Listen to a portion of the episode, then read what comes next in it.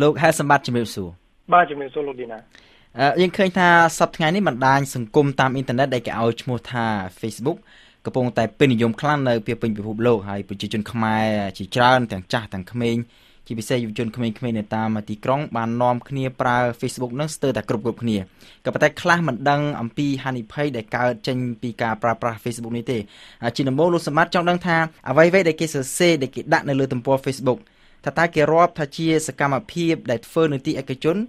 ឬក៏នៅទីសាធារណៈហើយចង់ដឹងថាតើអាចមានផលវិបាកអ្វីខ្លះតាមផ្លូវច្បាប់បាទនេះតាមការសង្កេតជាទូទៅយើងឃើញថាអ្នកប្រើប្រាស់មួយចំនួនធំមានការផន់ច្រឡំគេគិតស្មានថាការប្រើប្រាស់ឬក៏សកម្មភាពអីផ្សេងៗនៅលើ Facebook ហ្នឹងវាកម្រិតនៅត្រឹមតែផ្ទះបាយឬក៏សាឡុងរបស់ខ្លួនឬក៏កម្រិតនៅត្រឹមតែ keyboard របស់ពួកគេតែតាមពិតរឿងហ្នឹងវាអាស្រ័យទៅនឹងការកំណត់ ដែលគេហៅជាភាសាអង់គ្លេស privacy setting ឬក៏ជាភាសាបារាំង paramètre de confidentialité ដែលខ្ញុំសូមឲ្យឈ្មោះថាជំរើសនៃការកំណត់ការសម្ងាត់ប្រសិនបើអ្នកប្រើប្រាស់មានទំព័រផ្ទាល់ខ្លួន ដែលមិនមានកំណត់ការសម្ងាត់ហើយនរណានរណាក៏អាចចូលមើលបាននោះវាប្រកាសណាស់ថានឹងត្រូវចាត់ទុកថាជាទីសាធារណៈប៉ុន្តែប្រសិនបើមានការកម្រិតឲ្យមានតែមិត្តភ័ក្តិដែលខ្លួនស្គាល់មួយចំនួនតូចប៉ុណ្ណោះដែលអាចចូលមើលបាននោះនឹងត្រូវចាត់ទុកថាជាទីកន្លែងឯកជន បញ្ហាត្រង់ថាចុះបើទំព័រផ្ទាល់ខ្លួននោះមិត្តភ័ក្តិនោះមានចំនួនច្រើនរហូតដល់ទៅរាប់រយនាក់តើទំព័រផ្ទាល់ខ្លួននោះនឹងនៅតែចាត់ទុកថាជាទីកន្លែងឯកជនដដែលឬមួយយ៉ាងណានេះយើងមិនទាន់មានចម្លើយជាក់លាក់ទេតែទោះជាយ៉ាងណាយើងឃើញមានសារក្រមតុលាការមួយចំនួននៅប្រទេសកាណាដានេះដែលបានសម្រេចទៅលើបញ្ហានេះសារក្រមមួយគឺនៅឆ្នាំ2009អ្នកប្រើប្រាស់មាន មិត្តភ័ក្តិត្រឹមតែជាង150នាក់ប៉ុណ្ណោះតែតុលាការបានសម្រេចថាទំព័រផ្ទាល់ខ្លួនរបស់អ្នកប្រើប្រាស់ហ្នឹងគឺជាទីសាធារណៈផ្ទុយទៅវិញនៅក្នុងសេចក្តីសម្រេចចុងក្រោយនៅឆ្នាំ2009ថ្មីថ្មីហ្នឹងតុលាការបានសម្រេចថាបើអ្នកប្រើប្រាស់មានមិត្តភ័ក្តិត្រឹមតែ67នាក់ប៉ុណ្ណឹងមានន័យថាអ្នកប្រើប្រាស់នេះមិនមានបំណងក្នុងការចែកចាយទិន្នន័យរបស់ខ្លួនទៅគ្រប់គ្រប់គ្នានោះទេ ដូច្នេះត្រូវបានចាត់ទុកថាជាទីឯកជនហើយដែលទទួលការការពារអំពីច្បាប់យ៉ាងណាមិញបើយើងកលេចមើលស្ថិតិនៃអ្នកប្រើប្រាស់របស់ Facebook យើងឃើញថាជាមធ្យមអ្នកប្រើប្រាស់ម្នាក់មានមិត្តភ័ក្តិជាង130នាក់ឯណោះអញ្ចឹងបើយើងផ្អែកទៅលើសេចក្តីសម្រេចខាងលើការបែងចែករវាងទីសាធារណៈ និងទីឯកជនវាសឹងតែគ្មានតទៅសោះនៅលើ Facebook ហើយនៅពេលណាដែលតំបន់ផ្ទាល់ខ្លួនណាមួយត្រូវបានចាត់ទុកថាជាទីសាធារណៈរាល់វិធានច្បាប់ដែលមានគោលដៅក្នុងការការពារជីវិតឯកជនរបស់បុគ្គលនឹងមិនត្រូវយកមកអនុវត្តទេនៅពេលនេះអញ្ចឹងមានន័យថាអ្វីៗដែលគេដាក់នៅលើទំព័រ Facebook ដែលជាទំព័រផ្ទាល់ខ្លួនឯងហ្នឹងដោយសារតែគេចាត់ទុកថាជាទីសាធារណៈអញ្ចឹងមានន័យថាគេអាចយកអ្វីៗទាំងអស់ហ្នឹងមកធ្វើជាមូលដ្ឋាន ចោតប្រកាន់អំពីបទអ្វីមួយដែរឧទាហរណ៍ដូចជាបទបរិហាគេជាដើមបាទពិតមែនហើយលោកលីណាអឺបញ្ហានេះវាតកតងទៅនឹងរបបផោះតាងដែលទាញចេញអំពី Facebook យើងឃើញថាមានអ្នកខ្លះនៅតែគិតថាអ៊ីនធឺណិតជាទីដែលគ្រប់បណ្ដប់ទៅដោយសេរីភាពពេញទីពិសេសសេរីភាពនៃការបញ្ចេញមតិសារព័ត៌មានដែលគ្មានច្បាប់ណាមកហាមឃាត់ឬក៏គ្រប់គ្រងនោះទេពលគឺគេគិតថាជាតំបន់ដែលនៅក្រៅច្បាប់តែជាក់ស្ដែងនៅក្នុងរយៈពេលប្រហែលឆ្នាំចុងក្រោយនេះ យើងឃើញមានសេចក្តីសម្រេចរបស់តុលាការជាច្រើនទាំងនៅអាមេរិកខាងជើងដែលមានសហរដ្ឋអាមេរិកនិងប្រទេសកាណាដាទាំងនៅអឺរ៉ុបព្រមទាំងនៅអាស៊ីផងដែរពិសេសប្រទេសសិង្ហបុរីជាដើមហ្នឹងដែលក្នុងសេចក្តីសម្រេចទាំងអស់នោះចៅក្រមបានផ្អែកទៅលើភ័ស្តុតាងដែលទាញចេញអំពី Facebook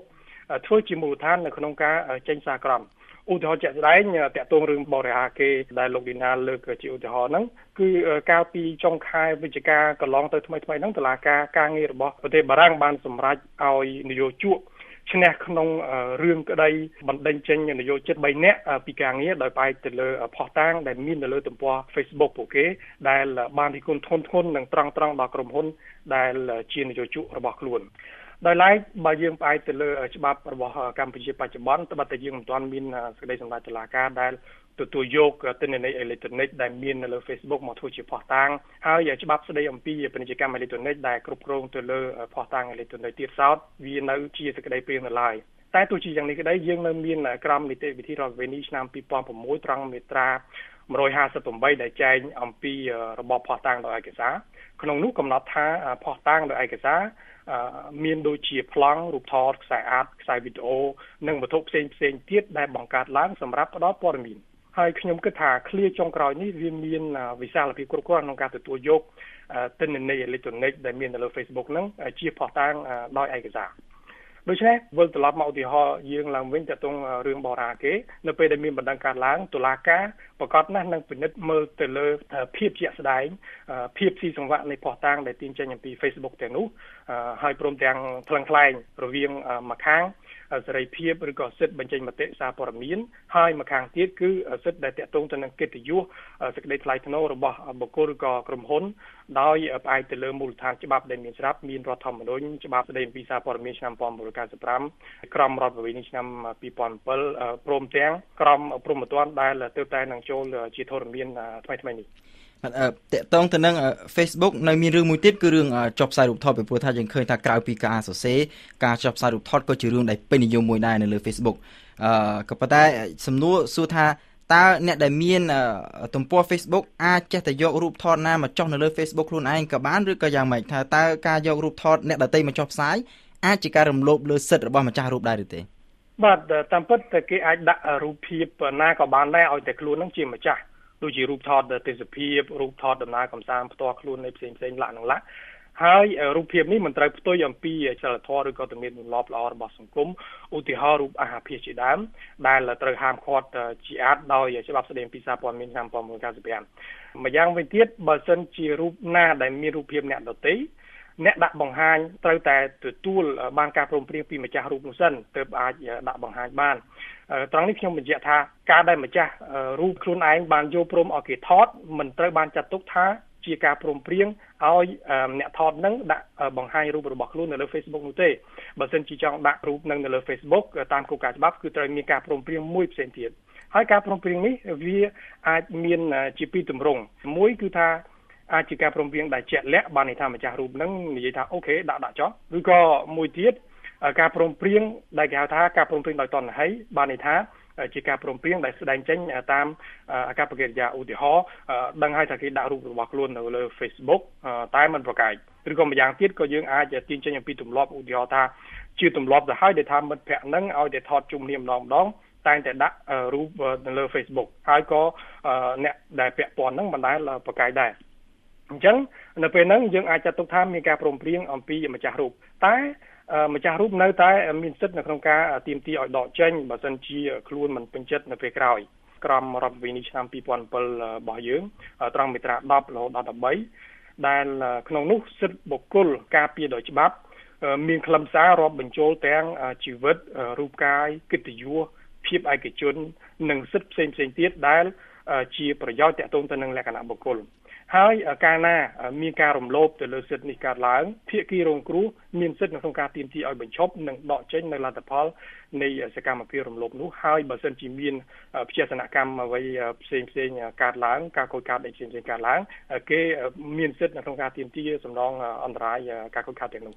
បាទជារួមចង់ដឹងថាអ្នកប្រើប្រាស់ Facebook គួរមានការប្រុងប្រយ័ត្នដូចម្តេចខ្លះដើម្បីជៀសវាងកុំឲ្យមានបញ្ហាដល់ខ្លួនឯង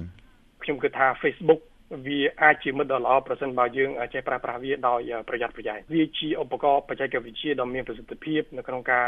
រក្សាទំនាក់ទំនងប្រមូលផ្ដុំមិត្តភ័ក្តិគ្រួសារទាំងនៅទីជិតទាំងនៅទីឆ្ងាយនិងក៏អាចជាបណ្ដាញផ្សព្វផ្សាយនិងទទួលបានព័ត៌មានដ៏រហ័សនិងមានប្រសិទ្ធភាពទាំងគោលដៅចំណេះដឹងពាណិជ្ជកម្មទាំងនយោបាយនិងគោលដៅស្របច្បាប់ផ្សេងៗទៀតជារួមវាជាការល្អណាស់នៅក្នុងការបង្កើត account Facebook ប៉ុន្តែបើសិនជាការបង្កើត account Facebook មានគោលដៅត្រឹមតែប្រើប្រាស់គឺគ្រាន់តែចង់រក្សាទំនាក់ទំនងរវាងមិត្តភ័ក្តិដែលខ្លួនស្គាល់មិនគួរចេះតែផ្ដល់ការយល់ព្រមគ្រប់ការស្នើសុំនោះទេហើយខ្ញុំគិតថាគួរតែកម្រិតការសម្ងាត់របស់ខ្លួនត្រឹមតែអ្នកដែលខ្លួនបានយល់ព្រមប៉ុណ្ណោះដែលអាចចូលមើលទិន្នន័យរបស់ខ្លួនឯងបានហើយទីពីរទៀតគឺអ្នកប្រើប្រាស់ទាំងនោះគួរចងចាំថា Facebook វាមិនមែនជាតំបន់ដែលគ្មានច្បាប់គ្រប់គ្រងទេ រាល់ពាក្យសម្ដីឬក៏សកម្មភាពទាំងឡាយណាដែលមិនសមរម្យក៏មិនគួរមានវត្តមាននៅលើ Facebook នោះដែរទី3គឺអ្នកប្រើប្រាស់គួរតែពិចារណាឲ្យច្បាស់មុននឹងដាក់បង្ហាញរូបថតវីដេអូឬក៏ធ្វើ comment ផ្សេងផ្សេងហ្នឹងព្រោះថាកាលណាបន្ទុកព័ត៌មានឬក៏ទិន្នន័យទាំងនេះមានវត្តមាននៅលើ Facebook ហើយវាពិតជាមានការពិបាកនឹងដកចេញណាស់ដោយសារតែលទ្ធភាពនៅក្នុងការថតចម្លងការបញ្ជូននិងការផ្ទេរហ្នឹងគឺគ្មានកំណត់ទេហចំពោះស្ថាប័នក្រុមហ៊ុនឬក៏សហគ្រាសនានាវិញ ខ្ញុំគិតថាគួរតែមានគោលនយោបាយឬក៏បទបញ្ជាផ្ទៃក្នុងដើម្បីណែនាំដល់នយោជិតឬក៏អ្នកក្រមបង្គាប់របស់ខ្លួននៅក្នុងការប្រើប្រាស់ Facebook ក៏ដូចជាបណ្ដាញសង្គមដទៃៗទៀតដែរឲ្យបានត្រឹមត្រូវដើម្បីជៀសវាងសកម្មភាពផ្សេងៗដែលហាមឃាត់ដោយច្បាប់ឬក៏ប៉ះពាល់ដល់កេរ្តិ៍ឈ្មោះឬរូបភាពល្អរបស់ស្ថាប័នឬក៏ក្រុមហ៊ុនសហគ្រាសនឹងជាដើមបាទសូមអរគុណលោកហេសម័តខ្ញុំសូមអរគុណលោកឌីណាខ្ញុំសូមបញ្ជាក់ថាលោកហេសម័តគឺជាអតីតសាស្ត្រាចារ្យច្បាប់នៅទីក្រុងភ្នំពេញបច្ចុប្បន្នកំពុងបន្តការសិក្សាថ្នាក់បណ្ឌិតផ្នែកនីតិពាណិជ្ជកម្មអេឡិចត្រូនិកនៅប្រទេសកាណាដា